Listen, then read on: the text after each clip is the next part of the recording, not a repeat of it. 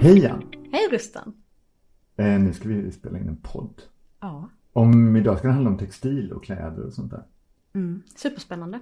En av de absolut största utmaningarna som du och jag har som miljöpedagoger, det är ju att vi ska lyckas engagera och inspirera människor att eh, kanske förändra sina konsumtionsmönster. Allt för att vi ska kunna ställa om och leva mer hållbart. Eh, men samtidigt måste vi också berätta hur allvarligt läget är, hur, faktiskt, eh, hur viktigt det här är. Och då är det så lätt att man får folk att känna sig deppiga och handlingsförlamade och panikslagna och får klimatångest och allt det här. Va? Hur ska vi, vi, vi måste engagera men vi måste också förklara allvaret det. Så hit it Ann, få folk nu att känna sig riktigt, riktigt deppiga. Ja, nu blir det deppigt. Att producera ett kilo textilier innebär 10 till 40 kilo koldioxidekvivalenta utsläpp. Det innebär 6 000 till 29 000 liter vatten i produktionen. Det innebär 1 till 6,9 kilo kemikalier. Och vad innebär detta då? Jo, växthusgasutsläppen bidrar till klimatförändringar och global uppvärmning. Kemikalierna som används vid textilproduktion används i alla leden. Vid bomullsodlingar för att få bort skadedjur, när man ska behandla fibrerna, till blekning, färgning och behandling av tygerna. Ibland tillsätter man till och med kemikalier under transporten för att textilierna inte ska börja mögla. Så det är även i slutskedet också. Det här är kemikalier som är cancerframkallande och det är inte ovanligt att de som arbetar med textilierna också drar på sig en massa andra sjukdomar som är goda att ha. Jag såg en dox-dokumentär för något år sedan där det var just i Indien där de eh, förberedde tygerna då och där blandar textilarbetarna utan handskar med sina armar i de här stora tunnorna med kemikalier. Det är inte så konstigt att man blir sjuk då. Förutom kemikalierna det används det just mycket vatten, så det går åt en hel del vatten. Och det var du som berättade det för några år sedan för mig om Aralsjön. Aralsjön ligger mellan Kazakstan och Uzbekistan och Aralsjön var en gång i tiden en av världens största insjöar, men som idag nästan är helt försvunnen just på grund av klädindustrin. Bomull till exempel kräver enorma mängder vatten och odlingarna ligger då i länder där vatten oftast är en bristvara. Bomull som gröda kräver både mycket sol och vatten och de två grejerna går ju oftast inte ihop i länder. Den här sjöns försvinnande har också påverkat lokalbefolkningarna väldigt svårt. Det resulterade i arbetslöshet till exempel eftersom fiske varit en stor inkomstkälla där. Det var alltså väldigt mycket fisk i den här sjön som idag är i princip helt uttorkad.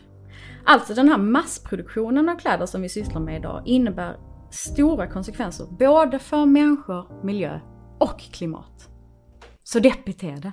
Ja, tjoho. Okej, okay, så illa är det alltså? Och då vet vi liksom varför vi måste se över det här. Men det, det gör ju inte det lättare när inget annat i samhället på något, något sätt uppmuntrar mig till att tänka på min textil eller klädkonsumtion. Vi kan strunta i att kalla det textil ett mm. tag. Det är så branschnördigt. Vi säger kläder. Ja. När jag går ut på stan så är det ju väldigt lite som talar om för mig att jag inte ska handla.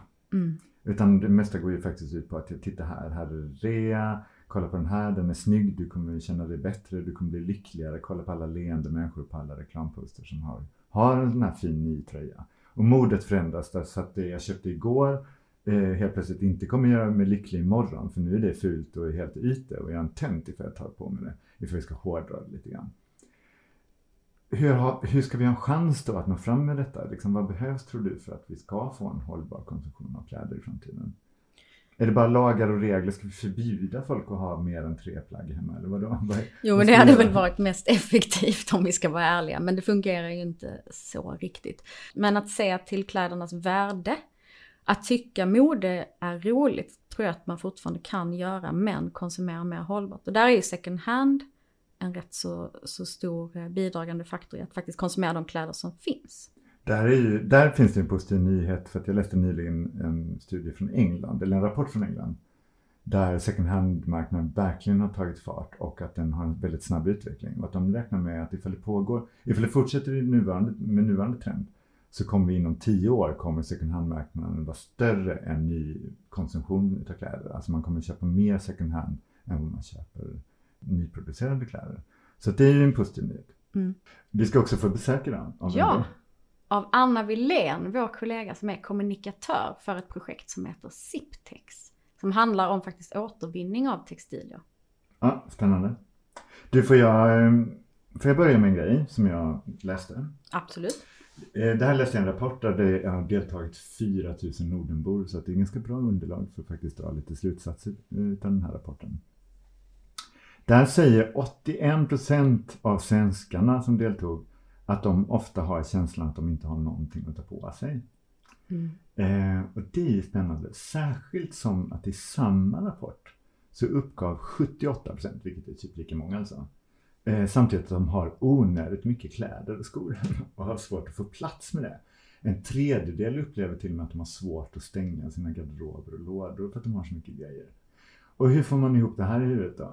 Att inte ha någonting att ta på sig samtidigt som man inte kan stänga garderoben av alla kläder. Ja, vad är det? Vad säger det om vår tid egentligen? Mm. Vad tycker du? Men jag känner igen mig. Absolut. För det, jag tycker själv att det kan vara rätt jobbigt. Kvällen, kvällen innan så brukar jag alltid stå och tänka vad ska jag på mig imorgon? Och så tycker jag att det är så här, "Åh, jag har ju ingenting. Samtidigt som jag står och tittar på alla mina kläder. Ehm, så att jag, jag känner verkligen igen mig i det. Och förstår själv hur jävla konstigt det är att vi har de här tankarna. Ja. Känner du igen dig själv i det? Jag känner igen mig i det numera. Jag, hade inte, jag var inte, när jag var lite yngre och självsäkrare så, så brydde jag mig väldigt lite om kläder på det sättet som jag faktiskt gör idag. Det här är kanske det jag brottas mest med just nu som miljöpedagog, alltså i jobbet jag har. Att hur ska jag kunna inspirera och engagera folk till en, ett förändrat konsumtionsmönster gällande kläder när jag själv tycker att det är så svårt. För jag är, du har ju påtalat det här, när vi, du har tyckt att jag har börjat köpa mer kläder och nya kläder.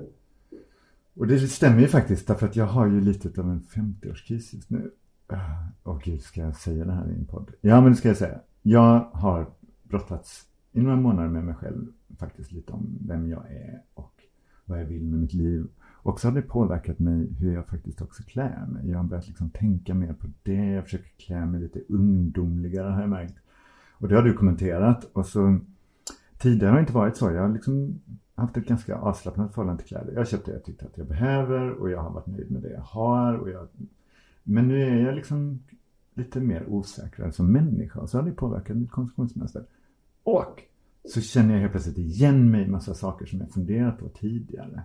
Eh, och det är ju det här med att vi verkar ju faktiskt konsumera kläder inte beroende på eh, vad vi kan och vet om miljön och klimatet. Fast vi kan och vet väldigt mycket om hur hemskt det här med kläder är för miljön och klimatet.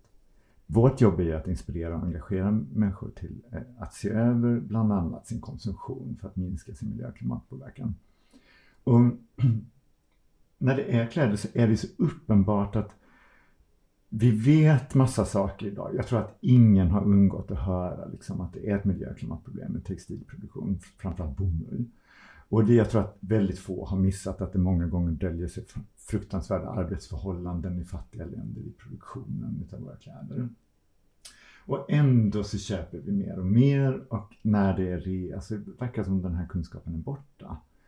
Eh, och att det verkar vara så starka krafter, drivkrafter som gör att vi liksom blundar för det vi vet. Hur kan vi pedagogiskt liksom jobba med den här frågan? Den tycker jag kanske är den största utmaningen vi har. Ehm, jag har ju några liksom övningar jag kör när jag träffar folk. Antingen de kommer hit på studiebesök eller ute och föreläser. Och många där konstaterar ju liksom att, att vi, man, det är en ohållbar konsumtion. Vad, vad är det som gör att vi inte kan få det här över till det faktiska beteendet när det är rea? När vi liksom står där och tänker att vi inte har något att ta på oss. Hur ska vi lyckas med det? Ja, men jag, du nämnde ju tidigare att jag har kommenterat att du köpt mycket fler nya kläder på sistone. Det har jag ju kommenterat genom att säga Åh, vilken fin tröja du har. Jag ger ju dig beröm för Jag att du har måste sluta konsumerat. bekräfta mig.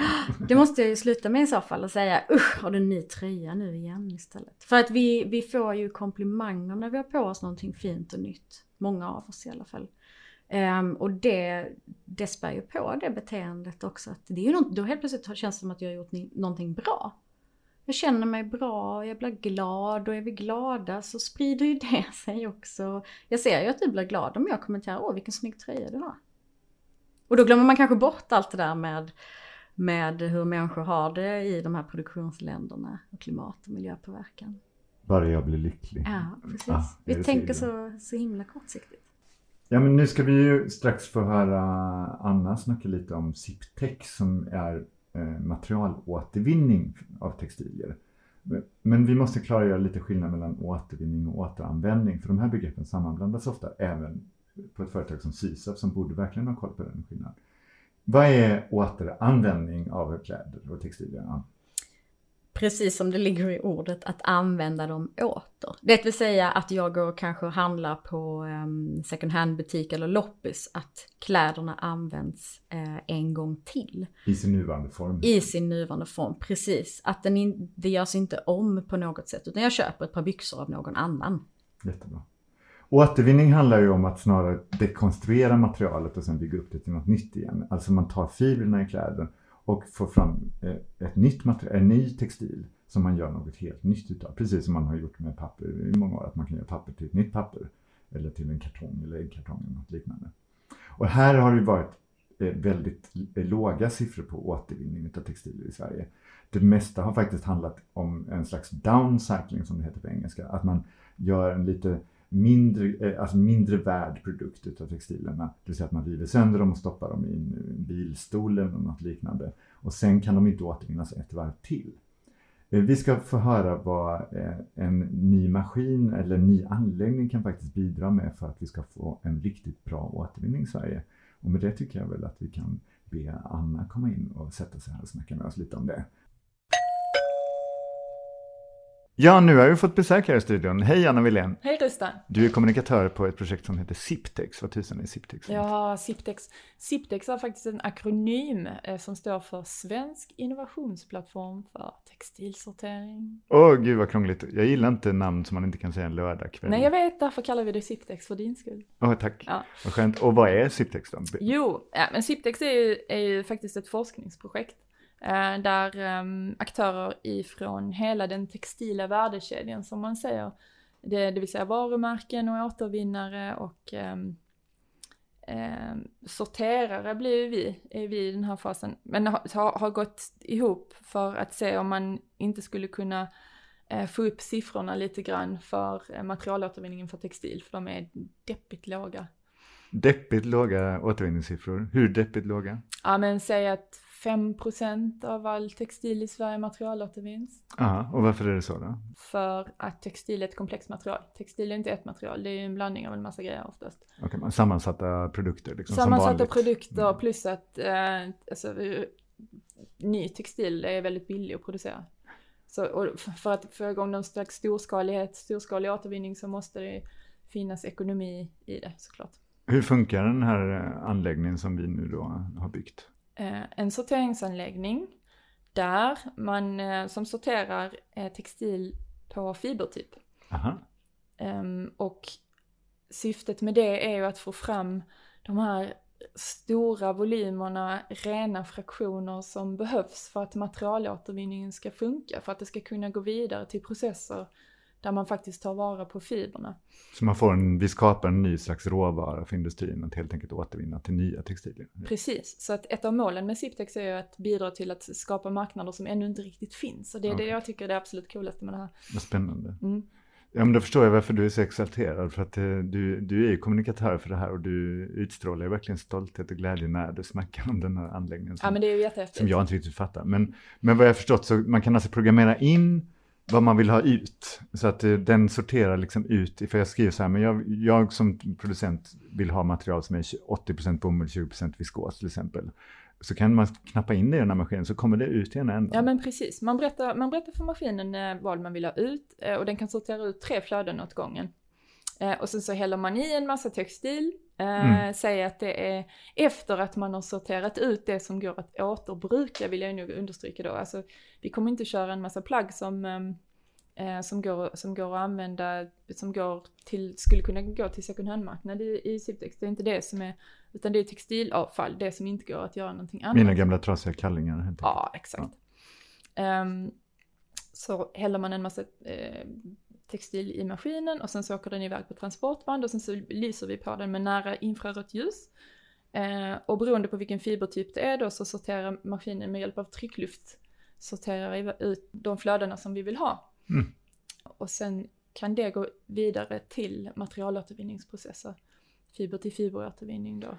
Så det här är liksom en liten länk i en värdekedja som tidigare saknats Detta är länken som har fattats, så fram till nu så, så sorteras, eh, sorterar man textil på funktion snarare än på fiber.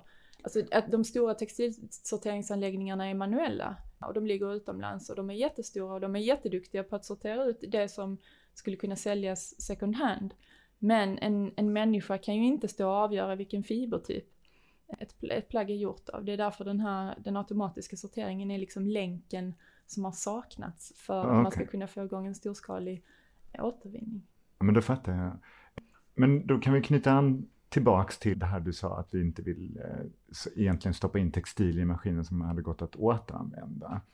Är, det, är vi tillbaks till vår härliga underbara käpphäst som vanligt med avfallshierarkin då? eller? Ja, precis. Kan du Avfallshierarkin. berätta lite för hur den... Det översta steget är ju eh, att minska på avfallet, det vill säga det bästa avfallet är det som aldrig uppstår. Så, och där ligger ju någonstans en smartare konsumtion. Mm.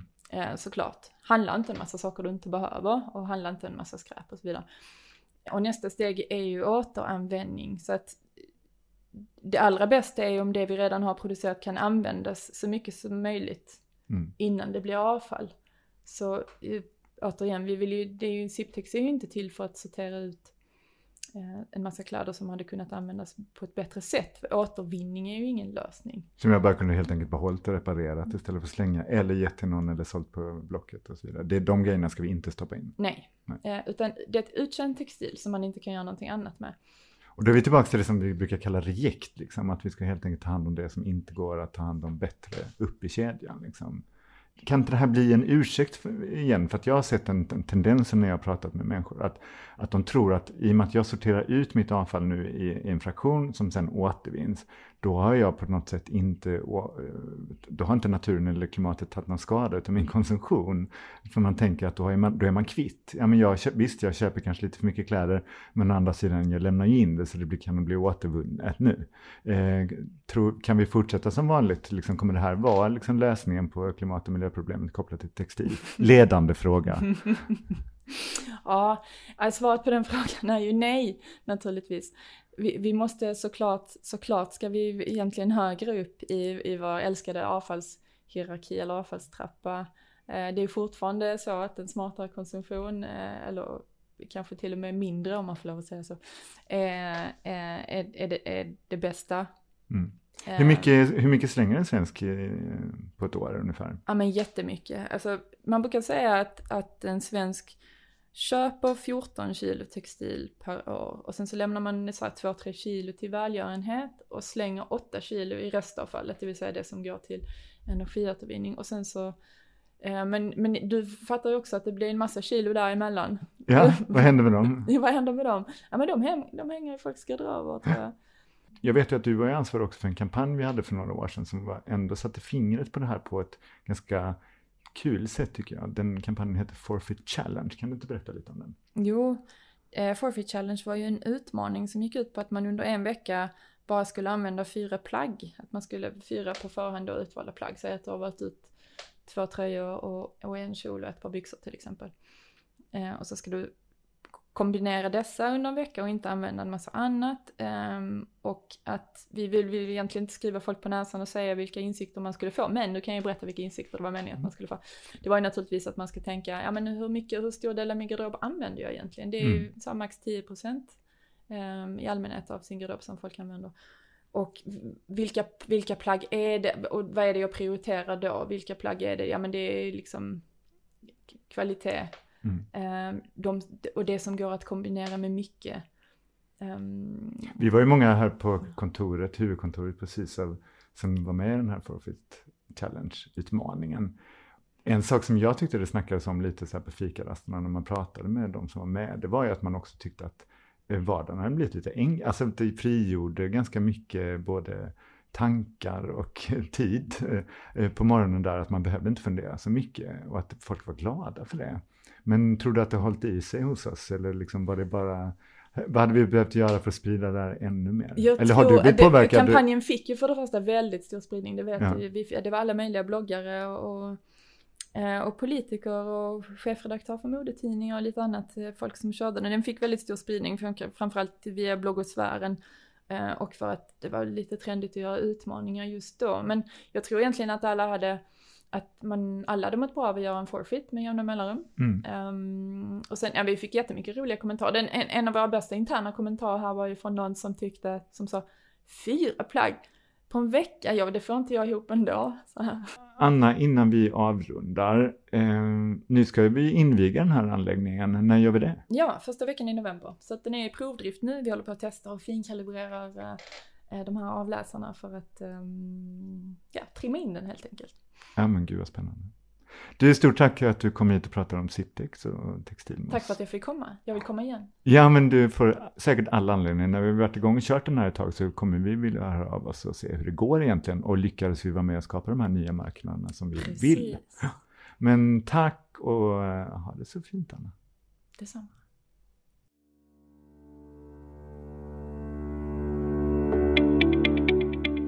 Vad kände du när du hörde Anna? Vad, vad fick du för känsla av det här? Kommer det här rädda världen? Ja men det kan vi väl förhoppningsvis säga. Nej men precis som Anna eh, sa så är inte återvinning kanske den, den primära lösningen men det är en del utav lösningen.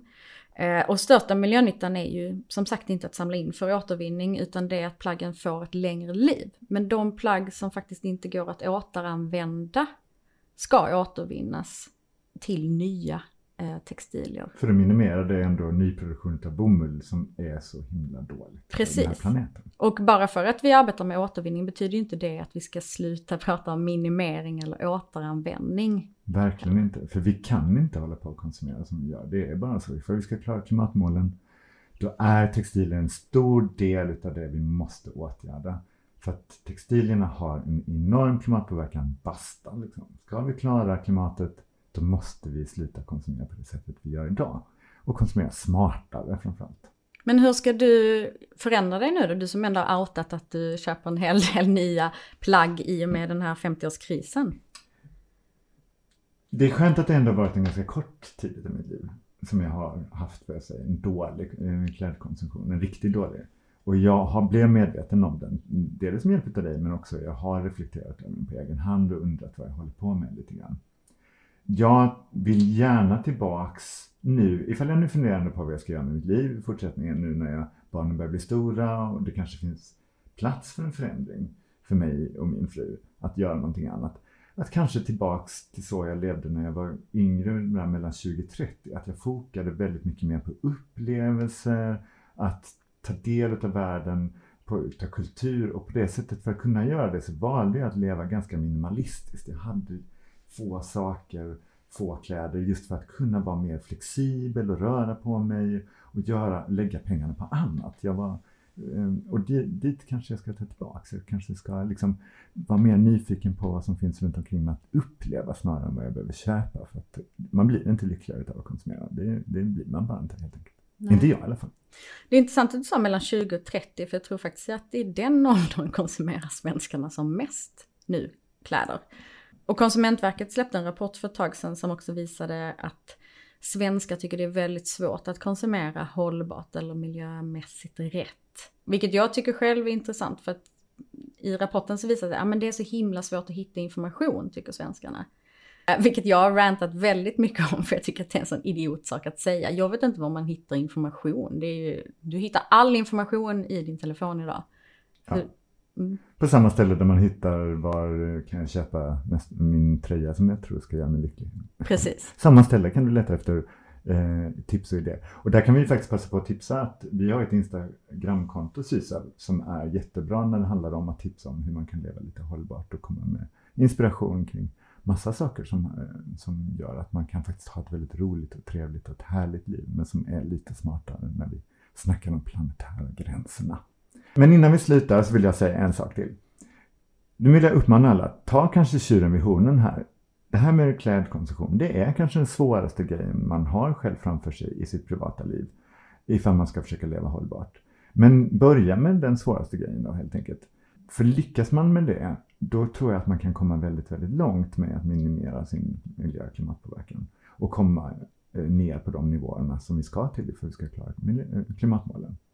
Så det är en spännande fråga. Den är full med komplexitet och ifrågasättande av vem man är och, sin identitet. Så, så ta, den, ta tjuren vid hornen helt enkelt. Och hör gärna av er till oss ifall ni, vill, ifall ni har konkreta tips på hur man kan leva mer hållbart när det gäller textilier. Vill du säga någonting Ann innan vi säger hej då?